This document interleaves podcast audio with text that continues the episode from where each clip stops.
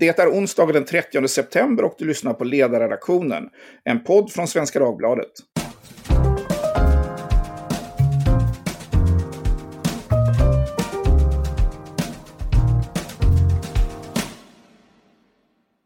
Jag heter Fredrik Johansson och idag ska vi prata om det amerikanska presidentvalet.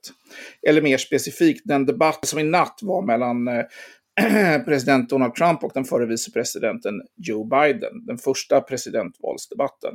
Med mig idag för att diskutera nattens debatt, men också för att eh, prata om vad vi har förväntat oss fram till valet den 3 november, har jag tre personer som följer amerikansk politik nära, men också från lite olika perspektiv. Jan-Erik Larsson, som har följt amerikansk politik sedan 1960-talet och skriver bland annat här på Svenska Dagbladets ledarsida. Jan-Erik har en lång bakgrund både som journalist och i det svenska näringslivet. Du har bland annat varit vice vd på Svenskt Näringsliv och idag seniorrådgivare på Prime och till stiftelsen Fritt Näringsliv. Carl Melin, doktor i statsvetenskap, samhällsanalytiker och forskningsledare på TCOs tankesmedja Futurion, Karl har också följt amerikansk politik länge och är idag en flitig skribent och kommentator i ämnet. Karl har bland mycket annat en bakgrund i det socialdemokratiska partiet. Samt Ronny Berggren, som beskriver sig själv som en konservativ samhällsdebattör, och har också ett långvarigt intresse för amerikansk politik. Du driver bland annat bloggen Amerikanska nyhetsanalyser där ni skriver och poddar om amerikansk politik och där ni ser som en uppgift att ge en mer nyanserad bild av det republikanska partiet. Du har dessutom skrivit en bok om president Donald Trump som inte bara nyligen kom ut utan som faktiskt kom ut idag. Rooney är en uttalad supporter för den sittande presidenten. Välkomna alla tre! I den mån kommentatorer är överens om någonting så är det väl att nattens debatt inte var en särskilt upplyftande tillställning. Det blev väl helt enkelt en i grunden så usel debatt som man hade kunnat frukta. Debattörerna avbröt varandra och de avbröt moderatorn hela tiden och någon vidare saklig diskussion blev det inte. Och mot bakgrund av att USA står inför betydande eh, utmaningar på en lång rad områden så var det eh, inte särskilt bra. CNN konstaterade att debatten var en björntjänst för demokratin och Fox å sin sida konstaterade att det var en uppvisning i schoolyard name calling. Om vi börjar med att gå laget runt, vad fick ni ut av den här debatten? Om vi börjar med dig Jan-Erik Larsson. Jag, jag blev förbluffad över att eh, Chris Wallace inte lyckades bättre och att man inte hade, hade tänkt på den enkla tekniska detaljen att, eh, att moderatorn hade möjlighet att stänga av eh, den talare som inte hade ordet när, under de här två inledande minuterna. Så att eh, nu är ju nästa debatt kommer ju vara en, en town hall, alltså där, där väljare ställer frågor. Men, men om det ska bli en, en eh, ytterligare en, eh, en debatt så tror jag att man måste ändra på på hur det är på upplägget därför att uppenbarligen så kommer inte det gå att få framförallt Trump att eh, följa de regler som, som gällt. Sakligt så, så eh, var det ju inte så mycket man, man kunde fästa sig vid men å andra sidan sett så, så är ju inte de här presidentvalsdebatterna, de är ju inte till för egentligen för väljarna utan det är många undersökningar, väljarundersökningar som gjorts av presidentvalsdebatterna och då kommer man ju fram till att, att det är de redan övertygade som, som tittar och hejar på, på sina medan så att säga, vanliga väljare eh, fortsätter att syssla med, med, med sitt, sitt liv eh, fram till att fram till att man börjar på allvar närma sig, närma sig valet. Så att jag tror inte att, att man ska tillskriva det här så någon stor politisk betydelse att, så att säga, någon vann stort eller förlorade stort utan, utan det här är en del av, av den, den underhållning inom situationstecken som amerikansk polit, politik ofta, ofta är. Vi ska återkomma till frågan om vem som vann och eventuellt varför. Men om jag eh, tar, går över till dig, Kalle, vad tar du med dig, eller Karl, från den här debatten? Ja, alltså vi kan ju komma tillbaka till vem som vann, men det jag tycker är tydligt är ju att eh, givet vad jag antar att kampanjerna ville, eh, så lyckades ju Biden på något sätt att eh, uppnå, det han in, uppnå det han skulle, det vill säga framstå som hyfsat pigg och alert, prata till väljarna, Eh, och inte göra några misstag. Medan jag vet inte vad Trump ville uppnå, men vad det här kampanjen ville uppnå så förstår jag mig inte riktigt på deras strategi. Eh, alltså Trump eh, är ju på många sätt en, en väldigt obehaglig människa, både i sina affärer och på andra sätt och vis. Men han har ändå haft en förmåga att visa upp en folklig charm. I natt var det ingenting av det. Han var liksom bara skolgårdsmobbare jobbaren. Och Roney, vad säger du? Lyckades presidenten uppvisa en folklig charm i den här diskussionen, i den här debatten? Eh, jag håller inte med om att eh, Trump är en otrevlig och en ohygglig människa, absolut inte. Men nej, i den här debatten lyckas han ju inte med det, inte alls. Utan i synnerhet de första 15 minuterna, det var ju det var nästan jobbigt att se när han störde och avbröt hela tiden Chris Wallace och eh, ja, Joe Biden då som hade ordet. Så att han skötte sig inte bra och jag tycker att det är synd därför att Trump har och han visade också i, i natt att han hade ett bra budskap. Han hade väldigt många poänger där men de poängerna hamnade ju helt i skymundan av att han hela tiden skulle avbryta och uppträda burdust och liknande. Så att eh, han, man brukar säga att Trump är sin egen värsta fiende och det fick vi väl se igår kan jag tycka då. Vi ska också försöka återkomma till frågan vad de olika kampanjerna kan tänkas ha för några budskap här, eh, inklusive då presidenten. Vem vann då det här? Enligt CNN så vann Biden Biden klart bland de som tittade. Eh, men vad betyder det egentligen? Och vad betyder det för utfallet i presidentvalet? Bryr sig amerikanerna om det här? Vi börjar med dig Jan-Erik. Ja, nej, men jag var inne på det tidigare att, att det har gjorts ganska mycket undersökningar av, eh, av eh, de här presidentvalsdebatterna och och att de spelar inte så stor roll för valresultatet utan de, de publiken består av, eh, av de redan övertygade och jag skulle gissa att ganska många av de redan övertygade i natt eh, stängde av efter, efter en stund eh, och att endast eh, det som, som Wall Street Journals ledarskribent skrev att, att att hade, hade man inte haft betalt så hade man inte stått ut eh, hela tiden. Eh, och eh, i den ledaren så, så hette det att den här debatten, om man jämför den med, med sån här amerikansk underhållningsbrottning, World Wide Wrestling, så är, är brottarna mycket mera, mycket mera eh, diplomatiska och eh, angenäma att följa än, än de här två som man såg i, igår i, i Cincinnati. Vad säger du Karl om vad det här betyder? Det är ju, jag får ju en känsla av att, att de här debatterna har ju ett... Det finns en mytologisering kring de här debatterna i, i amerikansk politik. Alltså utifrån att den första stora tv-debatten var ju mellan Kennedy Eh, och Nixon 1960, som då Kennedy vann, eller rättare sagt Nixon förlorade. Och det, det känns som att det här, det finns en stark dimension av det här i liksom amerikansk politisk folklore av att det här, är, det här har varit viktigt. Och det finns ju andra klassiska exempel på, på misstag som har begåtts i debatter som har spelat stor roll. Det är väl Ford som 1976 eh, uttalade sig otroligt konstigt om eh, Sovjetunionens dominans över Östeuropa och sådana här saker. Men vad, eh, har du någon bild av det här Jan-Erik inne på vad, vad, forskningen säger om detta? Spelar det här så stor roll för, för utfallen i valet? Jag skulle säga det är både och. Det är klart att på den tid då det var betydligt vanligare med split ticket voting, alltså att man kunde rösta på olika partier i olika val, att man bytte bytte parti oftare mellan val. Alltså andelen, även om man hade någon slags identifikation med det ena eller andra partiet, så fanns det kanske 30 till 40 procent av de amerikanska väljarna som faktiskt kunde rösta på olika partier i olika val. Då är det klart att den här typen av debatter spelade väldigt mycket större roll. Idag är det väldigt mycket mer polariserat. Det kanske handlar om 5-6 procent genuint osäkra väljare då spelar det naturligtvis mycket mindre roll därför att då blir valen mycket mer mobiliseringsval. Samtidigt så handlar det ju om eh, Även de få väljarna är viktiga och det påverkar också efterdebatten. Det som hände 2012 då Obama förlorade den första debatten debatten mot Romney var ju det att det blev ju en efterdebatt om att liksom, eh, har han koll? Vad har hänt med honom? Romney fick positiv media under några dagar. Alltså det är snarare, jag skulle säga, det är inte debatten så mycket som dygnen efteråt. Alltså vem var det som vann? Var det någon tabbe som upprepas? Som till exempel den här Ford-grejen från 76 du nämner. Och det jag tror ändå kan ha betydelse att Trump-kampanjen har ju mot allt rimligt omdöme kört en kampanj som går ut på att Biden i princip är senildement och inte kan prata.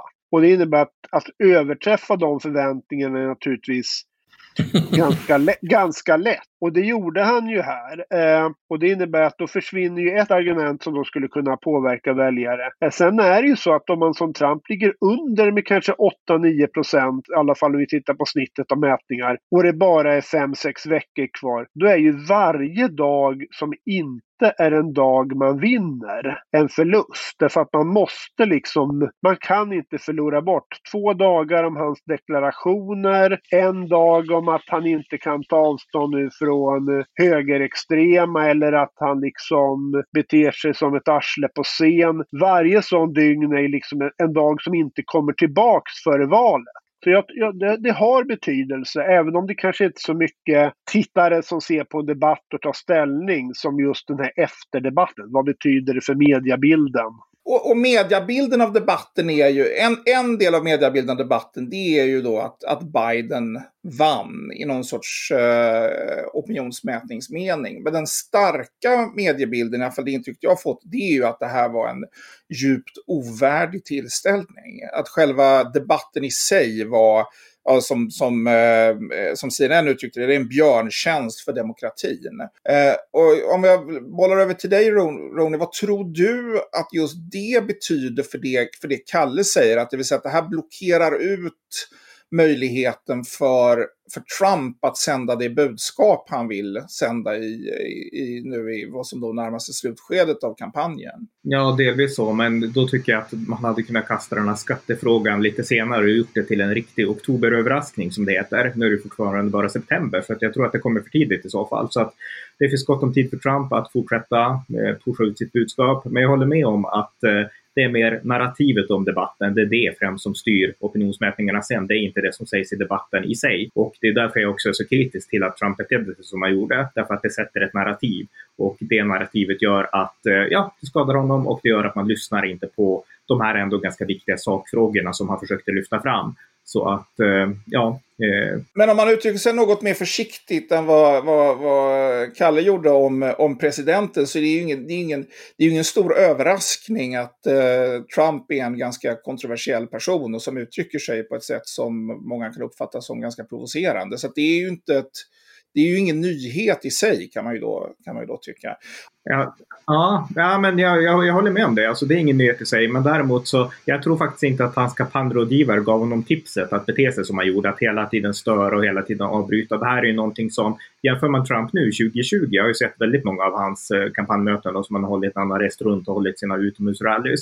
Jämför man dem med hur det var 2016 så var ju Trump mycket mer aggressiv och mycket mer arg 2016 än han har varit nu 2020. Så det vi fick se de här första 15 minuterna på debatten i synnerhet, det var liksom en comeback för Trump 2016. Han har ju oftast varit mycket lugnare och oftast har han skämtat och drivit med Joe Biden, med Demokraterna, med, med, med, liksom med media. Det är mer liksom en skämtsam ton nu än det var 2016. Men i debatten igår, då var det det här mer aggressiva, konfrontativa.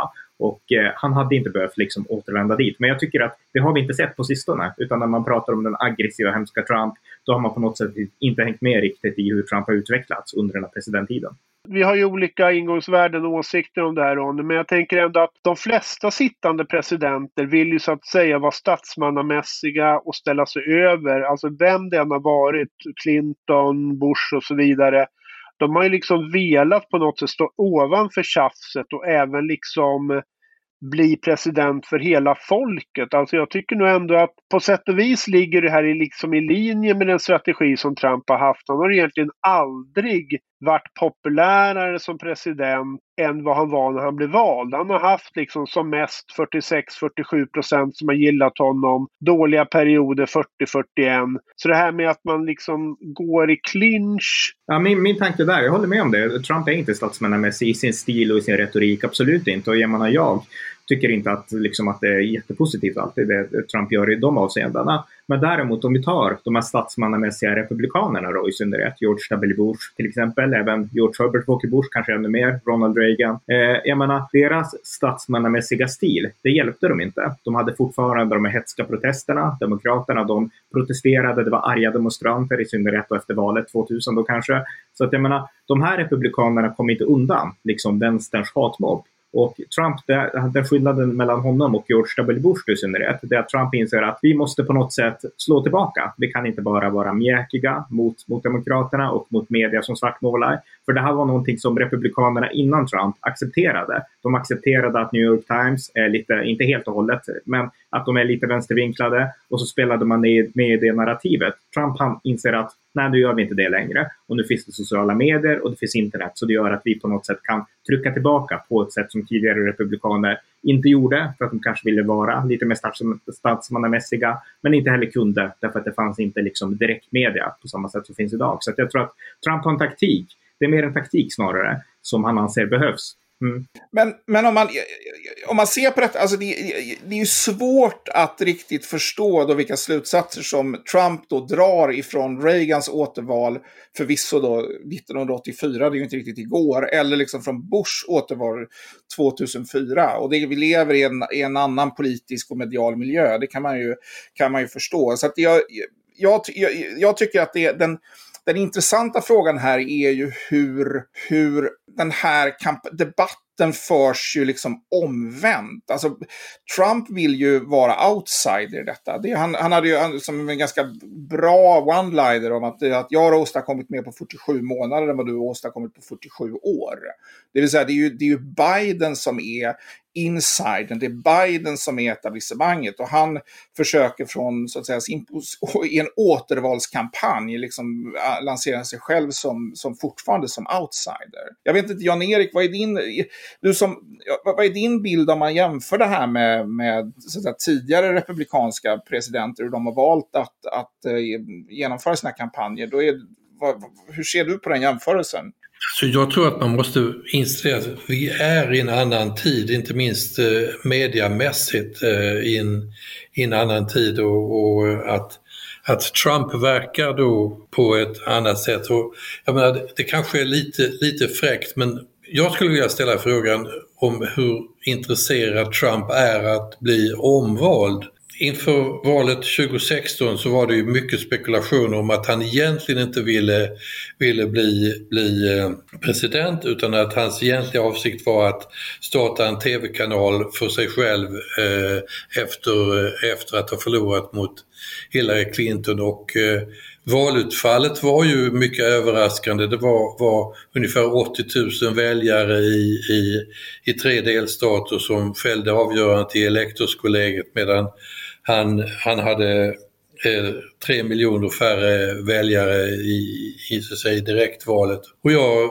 när jag såg det här i, i, i morse nu så, så tänkte jag att, att eh, är det så igen att, att han är så mycket ego, så mycket narcissist att han egentligen vill tillbaka till ratings och till, till eh, till eh, tv-mediet och eh, att, så att, säga, att bli, bli en, en, en, eh, en gestalt i amerikansk politik för resten av, av sitt liv utan att behöva besväras av alla dessa knepiga, besvärliga sakfrågor som en president i någon utsträckning måste hålla på med hela tiden. Så att, eh... Vad säger du om det, Ronny? Vill president Trump bli återvald eller inte? Självklart vill han bli återvald och då är det bara en, en totalt vild spekulation. Den bygger inte på någonting egentligen utan det är en lös teori som saknar grund. Alltså säga att han inte vill bli återvald eller att han inte ville vinna 2016. Självklart vill han det. Däremot kanske det kom som en överraskning att han vann 2016. Ja, precis. det, var det som var min poäng. Okej, okej. Okay, okay. För det, det gjorde det för många då. Men, men, men Eh, nej, men han vill bli återvald och jag tror inte att hans beteende igår hade att göra med att jag vill egentligen inte bli återvald, utan jag tror att han trodde att det här är en bra taktik. Jag kan vara som jag är i viss mån på mina kampanjrallys, jag kan prata om Sleepy Joe Biden och så vidare och köra på hårt, men det fungerar ju inte i en sån där debattmiljö och jag tror att nästa debatt, eller hoppas det i alla fall, så tror jag att Trump kommer att vara lite lugnare om det nu blir eh, ja, om det nu blir någon debatt. Det är också något som det spekuleras lite om det kommer bli precis, det. Men, ja. Nu pratar vi ju ganska mycket om Trumps framträdande här, men det, det som slog mig när man tittar igenom eh, debatten, det är ju att även... Men du, får, får jag skjuta in en sista sak också, bara väldigt kort, några sekunder där. Jag kom på att tidigare republikaner, alltså George W. Bush, George Herbert Walker Bush, då hade vi Lee Atwater som var George Herbert Walker Bush kampanjgivare. Vi hade Karl Rove som arbetade åt George W. Bush och båda de två ansågs ju också ligga bakom de smutsiga kampa smutsigaste kampanjerna i modern tid när de liksom arbetade åt två republikaner. Så att det här med att Trump är extra smutsig, han är absolut inte statsmannamässig som de tidigare republikanerna, men det här är en kritik som är gammal, som demokraterna alltid riktar mot republikanerna. De det jag vill få in. Så för i, den, i det avseendet så är det Trump gör inget nytt. Ja, ja lite nytt. Jag menar, var, även, det har varit tuffa kampanjer från både höger och vänster, men jag menar, vi har aldrig tidigare haft en amerikansk president som har haft utpressning mot allierade länder för att få dem att leta rätt på smutsmans politiska motståndare. Eh, så jag menar, det är ändå det är saker som görs som inte vare sig elaka demokrater eller republikaner har gjort tidigare. Om vi, om vi tittar på, på debatten, vad jag har försökt säga eh, här, det är ju att eh, vi pratar väldigt mycket om Trumps, Trumps agerande och det ovärdiga det. Och han, han avbryter ju eh, Biden mer än Biden avbryter Trump eh, och så vidare. Men även Biden använder framförallt ett språk i den här debatten som jag tycker är ändå lite förvånande. Och jag vet inte liksom hur väl det fungerar. Han kallar alltså presidenten för clown, han kallar honom för lögnare och han kallar honom för rasist. Eh, och det är ju fullt möjligt att det går att bygga ett case på alla de här. Det första är kanske enklast att bygga ett case på, eller det beror på hur man väljer att och, och se detta. Liksom att han är en clown, att han är en lögnare och att han är en, han är en rasist. Det är klart att att det, det är klart att det går att, att diskutera, diskutera det, men det är ju väldigt eh, väldigt starka ord. Om vi pratar statsmannamässighet här så är ju Biden gör ju inte särskilt mycket av sin egen statsmannamässighet i den mån han har behov av det i den här kampanjen. Vad säger du om det, Kalle? Men jag tror att det där, jag håller med om att eh, det är möjligt att det där inte var helt genomtänkt. Eh, jag tror att mycket, om det fanns en strategisk tanke bakom Trumps taktik. Inte minst det att han hoppade på uh, Bidens son uh, och hans drogproblem. Så tror jag det handlade om att provocera Eh, Biden till att liksom bli känslomässig och liksom tappa konceptet. Eh, om det var strategin så ska jag nog säga att de här övertrampen som du för sig nämner eller eh, var nog ändå inte så problematiska för Biden som man kan tro. Jag tror att det Biden lyckades med, alltså han är svag i vissa replikskiften. Jag tror att han till och med ibland, att det var bra för honom att han blev avbruten därför att det blev så uppenbart varför han kanske inte kunde ro hem alla resonemang. Men det var att han i några replikskiften faktiskt pratade direkt till tittarna. Det kändes ibland som att eh, han hade ett antal berättelser. Han, jag vet flera gånger som han liksom återkom till att det här handlar om er. Och så riktade han sig liksom till människorna hemma i tv-sofforna. Och det tror jag ändå var framgångsrikt. Medan för Trump handlade det väldigt mycket om att vinna debatten. Man brukar ibland jämföra debatten mellan Palme och Fälldin. Där Palme vann på poäng, men Fälldin fick alla sympatier. Jag tror att det är lite så. Det är klart att Trump dominerade debatten, men han framstod ju som relativt osympatisk. Medan Biden pratade direkt till väljarna. Stammade ibland, lite osäker ibland, fumlade med något ord ibland. Men jag tror att hans rådet till honom var att håll dig lugn, gör inte bort dig. Och han levererade till 90 procent på det. Men det kanske var en debatt som, eh, som för Biden att förlora snarare än för Trump att vinna. Alltså, Så ja.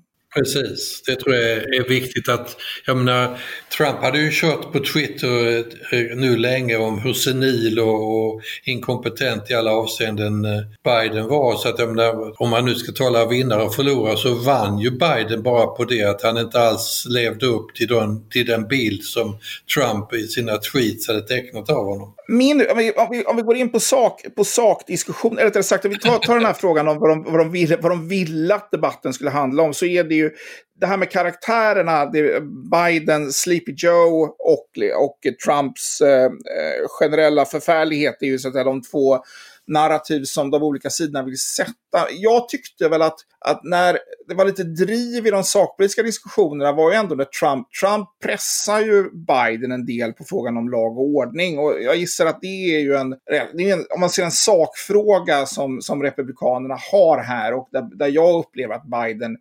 Eh, svajar en del så är det, är det lag och ordning. Men om vi, om vi går till, till dig, dig Ronny, vad, vad, vad tror du att Eh, Trump ville att den här debatten i sak skulle handla om? Eh, nej, men det, han ville att, eh, jag vet inte vad han ville att den i sak skulle handla om, men han ville helt klart framställa Joe Biden som en person i helt i greppet på de här vänsterradikala krafterna i partiet. Det var det han försökte genom att hänvisa till the Green New Deal. Joe Biden sa att det är inte min deal utan jag har min egen plan och, eh, och sådär. Men, men just när det kommer till poliser och våld, det, det, var ju en av Trumps roligare stunder då när han sa att eh, hur många polisorganisationer har backat upp dig Joe? Och så fick han inget svar och sa att vi kan vänta hela dagen ungefär. Det var ju, typ, det, det var ju Trumps roliga moment i den här debatten tyckte jag då. Men eh, ja, Eh, ja. Vad säger du Jan-Erik, hur mycket, för det, Trump kopplar ju eh, då Biden till dels till, till, till än mer vänsterradikala mm. grupper, mm. till, till, eh, till Bernie Sanders, till det här eh, New Green Deal, men också till demokratiska borgmästare. Han återkom flera gånger mm. till, eh, till Chicago och så vidare. Att den här ökade problemet med kriminalitet i USA, han försöker måla ut det som ett demokratiskt eh, problem vad tror du det kommer fungera för honom? Alltså jag, jag tror att man ska inte underskatta det här sommarens eh, våld och, och eh, eh, allt som har, har hänt eh, i, i en lång rad stora städer. Att, att det är nog många människor, ta till exempel Minneapolis, jag tror det är många människor som har blivit oerhört uppskrämda av all den förstörelse som ägde rum i, i, i stora delar av, eh, av Minneapolis eh, efter den här eh, tragiska händelsen med, med, med Floyd. Så att eh, jag, jag, tror att, att där finns, där finns en, en, eh, en faktor som, som eh, vid sidan om ekonomin kan te sig som, som de, som är, de två sakfrågor som är mest hoppfulla för Trump och mest besvärliga för Biden och Demokraterna. Vad säger du Kalle om detta också? Även den här, den här dimensionen, eh, han pratade ju också om Seattle och Portland och alltså ett antal stora städer och Biden försökte och, eller slå tillbaka med, vad var det, Tulsa, Fort Worth, de är väl av de få riktigt stora amerikanska städerna som har republikanska borgmästare. Men eh, vad säger du, Kalle, funkar det här? Det är, sakfrågan möjligen funkar, men liksom, kan han göra problemet till ett demokratiskt problem och till ett problem kopplat till Biden? Jag tror att det är väldigt svårt. Det är klart att det finns ett antal amerikanska städer med dåliga demokratiska borgmästare. Eh, det kan vi nog vara överens om. Samtidigt så är det ju, det, det, det är inget nytt. Eh, jag tror att det är väldigt svårt som president. Alltså det känns lite grann som att han försöker göra Nixons lag och ordning-kampanj. Problemet var ju att Nixon var ju utmanare. Nu är det ändå Trump som är eh, på något sätt sitter vid makten. Men jag tror precis som Jan-Erik att det här hade kunnat bli ett större problem för Demokraterna. Jag tror också att det är ett skäl till varför Biden nu ändå är så tydlig med att han fördömer våldet. Och jag tror att även om det jag tror det Biden ändå lyckas hyfsat med är att han både, alltså de flesta amerikaner, en stor majoritet, tycker faktiskt att det är ett problem hur polisen agerar. Att det finns systematisk rasism, att det finns problem. Eh, samtidigt så vill man naturligtvis naturligtvis stoppa kravaller och skadegörelse och allt sånt. Och Biden lyckas ändå hyfsat säga detta. Trump har ju väldigt svårt att ta upp de här problemen. Alltså om man jämför Trump med Bill Clinton eller George W. Bush eller något. De hade ju liksom på ett helt annat sätt kunnat ja, signalera empati. Att man kan säga okej, okay, jag förstår eran ilska, jag förstår eran uppgivenhet. Sen kan man ändå vara stenhård i liksom polisiära åsikter och åtgärder och sånt. Men jag jag tror ändå att Biden, alltså igår, ändå tydligt med att de flesta poliser är hjältar, de gör ett jättebra jobb, men det måste finnas accountability och de dåliga äpplena måste sorteras bort. Alltså, jag tror de flesta människor delar den uppfattningen. Och det är faktiskt så att Biden har ju klart större förtroende än Trump när man frågar om lag och ordning. Eh, medan det är jämnare till exempel när man tittar på ekonomi. Vad säger du om det här Ronny? Är, är, spelar Biden jämt med, eh, med Trump i frågor som rör, rör lag och ordning? Nej, alltså Trump är överlägsen i de här frågorna skulle jag säga. Och eh, jag tror att det här kommer att betyda mycket, inte allt. Corona betyder en del och ekonomin betyder mest. Alltså om USA kan återhämta sig lite grann då efter coronan ekonomiskt. Men nej, men lag och ordning, alltså det, Eh, det är de demokratiska storstäderna som har de här problemen i, i, överlag åtminstone. Och Joe Biden har inte varit tydlig. Alltså han har fördömt våldet nu, men det kom väldigt sent under sommaren. Han gjorde det inte initialt. Han gjorde det, det tog lång tid för honom att göra det. Han betraktade Black Lives Matter och de här grupperna som ja, men legitima protester under väldigt lång tid och under mycket längre tid än vad man objektivt kunde se att de var liksom på något sätt fredliga. Så att eh, Biden han har hoppat på tåget i sista sekund och jag tycker inte att det är trovärdigt. Och jag tror faktiskt att när det kommer till lag och ordning så tror jag att Trump har större förtroende. Men jag har inte läst någon opinionsundersökning på det just nu på sistone. Men jag tror att det här är en fråga som, som Trump kommer att vinna, eh, vinna på i alla fall. Våldet eller diskussionen kring, kring de här kravallerna har ju också kommit att bli väldigt eh, politiserad på båda, på båda sidor. Och det såg vi också då i, i natt där då Trump har ju, har ju svårt att eh, riktigt, eh, eller har ju svårt att, att, att, tydligt markera och han hade ju ett uttalande om den här, som jag inte känner till så väl, med den här grupperingen Proud Boys, där han, då, eh, han uppmanade dem att stand down and stand by, vilket då tolkades som att de ska vara beredda på, någon, eh, på någonting som händer i, händer i framtiden. Ja, men Ja, men där kan jag kommentera. Alltså jag tycker att man har gjort alldeles för mycket av det. Men Trump han har fördömt KKK, han stämplar dem som terrororganisation bara för några dagar sedan och han har fördömt högerextremister hur många gånger som helst. För det här är inte en ny fråga. Trump har fått den här varje, varje vecka nästan sedan Charlottesville. Det som hände då 2017 så har Trump fått samma fråga. Fördömer du KKK? Fördömer du nynazism? Fördömer du högerextremism? Och svaret har alltid varit ja. Nu, nu, nu förenklar du avsevärt.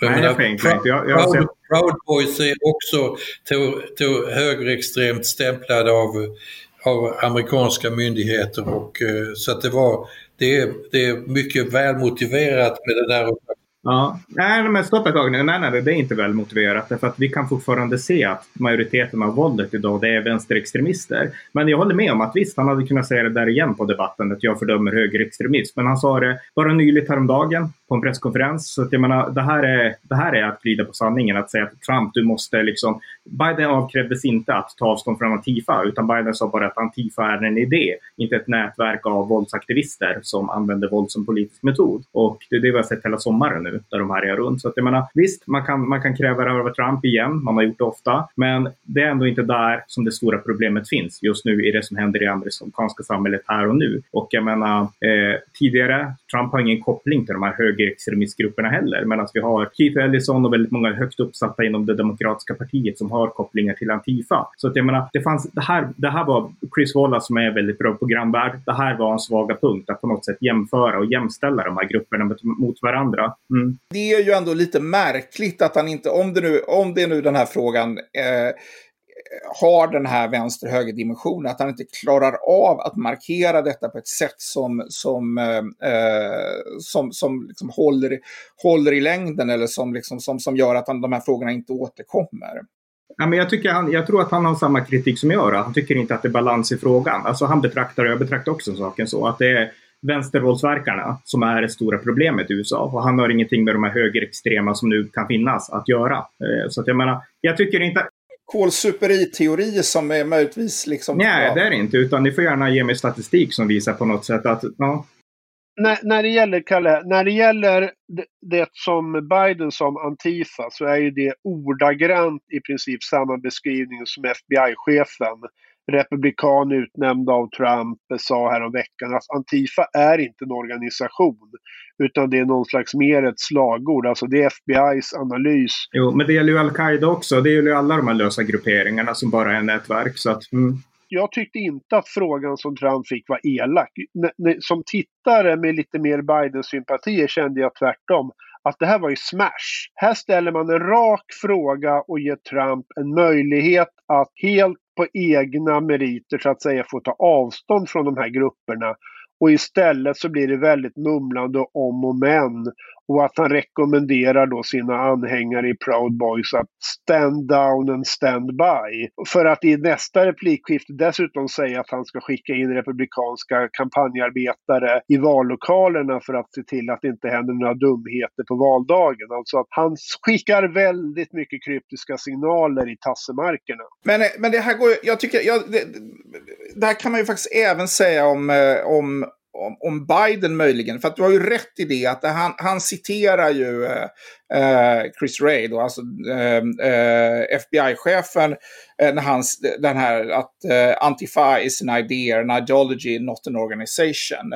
Men om man tittar, så vitt jag har läst så kommer ju eh, kvalificeras ju detta och kan säga att eh, de har gjort ett antal då, undersökningar på människor som would describe as violent anarchist extremist, including into individuals who identify with Antifa.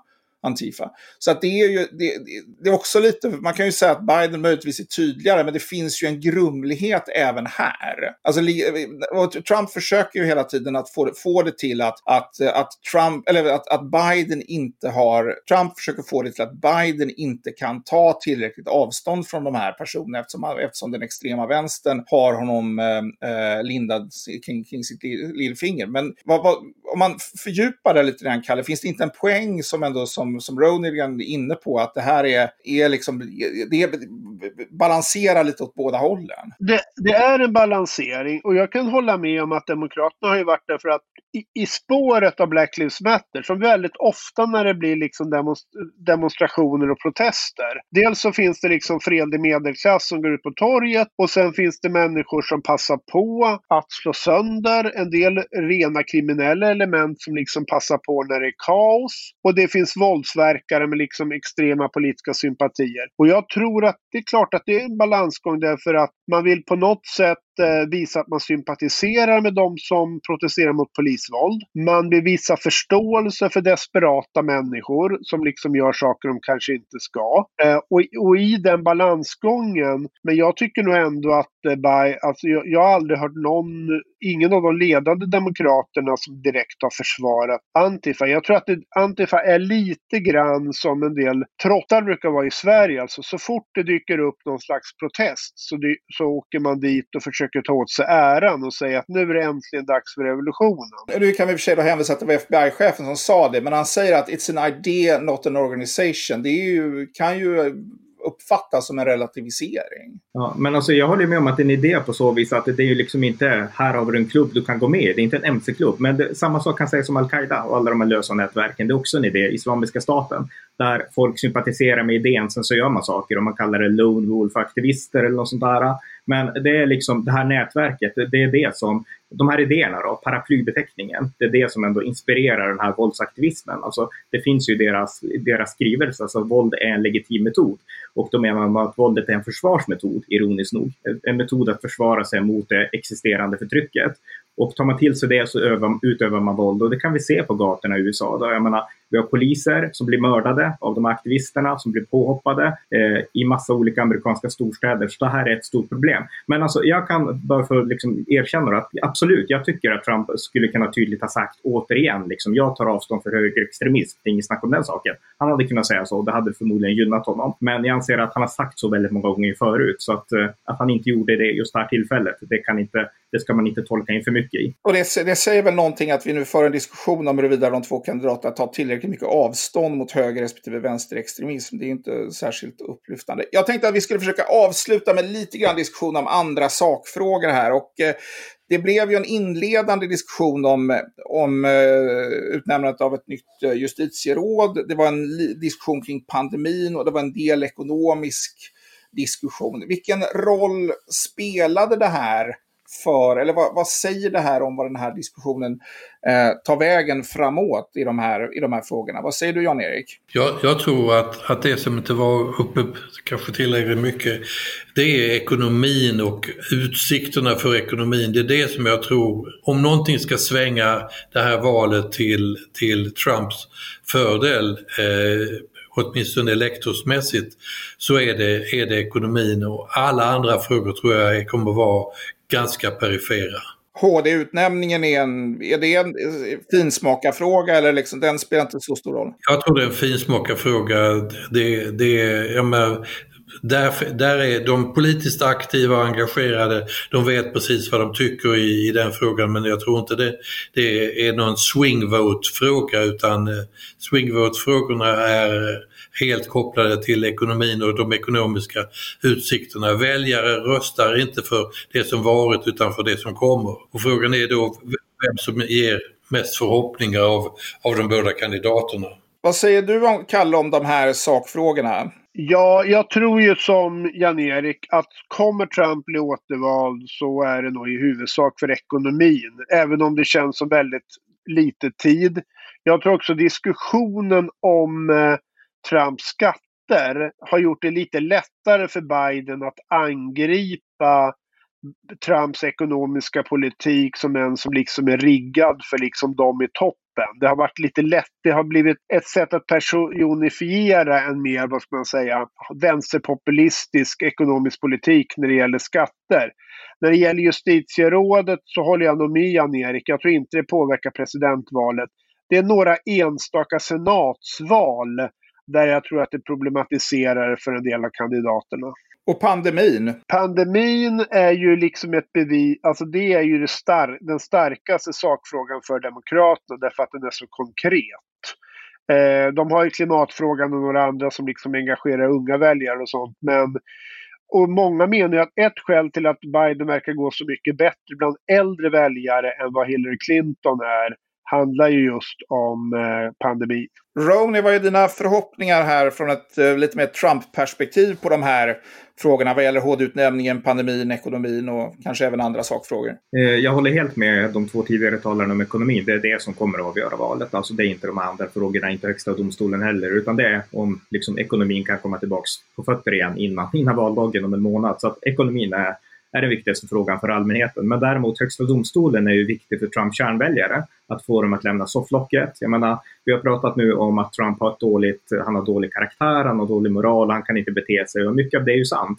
Och många av våra kärnväljare, de håller också med om det. Den här kristna högern och sådär, de tycker inte om Trumps omoral. Men då finns det ändå andra faktorer som kan motivera dem. Och där då inte minst utnämningen då av Amy Coney Barrett som, som ja, ny högsta domstoldomare om hon blir bekräftad. Så att jag menar, att han har valt henne, det gör ändå att han kan mobilisera kärnväljare som kanske annars skulle kunna tycka att ja, men Trump är lite för bufflig och sådär. Och, och, så. så att i det avseendet så tror jag att det är väldigt viktigt. Och eh, ja, eh, lite kort bara då. Jag hoppas ju att Trump vinner då såklart. Och eh, jag tror han kommer att vinna då på, på att få ut kärnväljaren och ekonomin. Och vinner han så tror jag att han kan fortsätta att eh, ändå göra att USA får tillbaka lite mer av sitt självförtroende. För att jag, en av orsakerna till att jag stöder Trump är att jag anser att USA förlorade mycket av sitt självförtroende under Barack Obama. Då fick man den här synen på USA som är väldigt populär i Europa, att USA är ett imperium, att USA är en liksom ond världspolis och sådana saker. Medan Trump har på något sätt sagt att ni kan vara stolta över USA, USA är ett bra land och ni kan tro på USA. Så att eh, jag hoppas att Trump vinner och det är orsaken till varför jag hoppas det. Tack så mycket. Då kan man möjligtvis säga att eh, det amerikanska folket verkar aningen splittrat i den eh, presidentens syn på vad som gör USA stort eller inte. Ja, men vi ska inte... Splittrat i två halvor då? Mm. Ja, i två, ja. precis. Men vi ska, vi, eh, låt oss avsluta här med, med vad som... Jag det, är en, det är en sån trivial fråga att säga, fråga vem som vinner det här. Men jag tänkte istället fråga er, vad är det som kommer att avgöra det här? Vi har varit lite inne på det nu när vi pratar sakfrågorna. Här. Men om vi tar dig först då nu, Ronny. Vad kommer att avgöra det här valet, tror du? Nej, men det är ekonomin. Alltså det, det, det svarar jag rätt. Jag gett redan. Det är ekonomin som kommer att avgöra. Kalle? Ja, jag håller nog med om att ekonomin är den viktigaste frågan, men jag har väldigt svårt att tro att även att vi kommer att på fyra, fem veckor kommer att se sådana stora förändringar i den reala ekonomin så att den kommer att påverka så jag, det, om det händer något där så är det det som avgör. Men jag har lite svårt att se att det skulle kunna hända. Jag tror att det ska till något som vi inte ens vet om för att påverka kartan. Men om nu, bara fråga, om, om nu ekonomin är så viktig, varför lägger man så otroligt mycket kraft på att diskutera karaktär? Alltså person. Det har man alltid gjort i de här valen och dessutom så är det så att ekonomi handlar ju mer om någon slags konjunktur och vem folk tycker är lämpligast. Man diskuterar ju inte detaljer i skattepolitiken eller det offentliga åtagandet i välfärd eller något utan det är någon slags, the economy är liksom någon slags kodord. Jag skulle nog säga att arbetslösheten är nog, ja, står nog för i alla fall 50 procent av det man menar när man pratar om the economy i amerikansk debatt. Jan-Erik slutligen, vad tror du kommer avgöra detta? Jag tror att, att inte ska bry oss så mycket om vad som händer på tiden fram till den 3 november utan jag tror att ekonomin handlar om den som kan och det parti och de politiker som kan gestalta en förhoppning om en, en god ekonomisk återkomst på lite längre sikt. Det tror jag är, är den, den, den fråga som, som har den verkliga potentialen och när valrörelsen verkligen tränger ut till, till, till medborgarna kort före valet, då tror jag det är den som kommer att vara riktigt betydelsefull. Den som bäst kan utlova en ny Morning in America. För att... Just. Mm. Ja, det är högst oklart om det är Morning America just nu i alla fall, men det kanske kan bli det till november. Eh, Tack så hemskt mycket för detta och denna mycket livliga diskussion om det amerikanska presidentvalet och nattens, eh, kanske inte bara upplyftande debatt mellan eh, Joe Biden och Donald Trump. Ni har lyssnat på Ledarredaktionen, en podd från Svenska Dagbladet och jag har haft glädjen att ta med mig här idag Jan-Erik Larsson som har följt amerikansk politik sedan 1960-talet, Kalle Melin som eh, är en eh, välkänd kommentator kring de här frågorna eh, och som till vardags är samhällsanalytiker och forskningsledare på TCOs tankesmedja Futurion. Och slutligen Roni Berggren, entusiastisk Trumpanhängare som eh, ägnar sig åt att följa amerikansk politik, bland annat på bloggen Amerikanska nyhetsanalyser. Eh, och jag heter Fredrik Johansson. Tack så hemskt mycket för att ni har lyssnat och eh, kommentera gärna detta eller skicka mejl till oss på ledarredaktionen. Tack så mycket.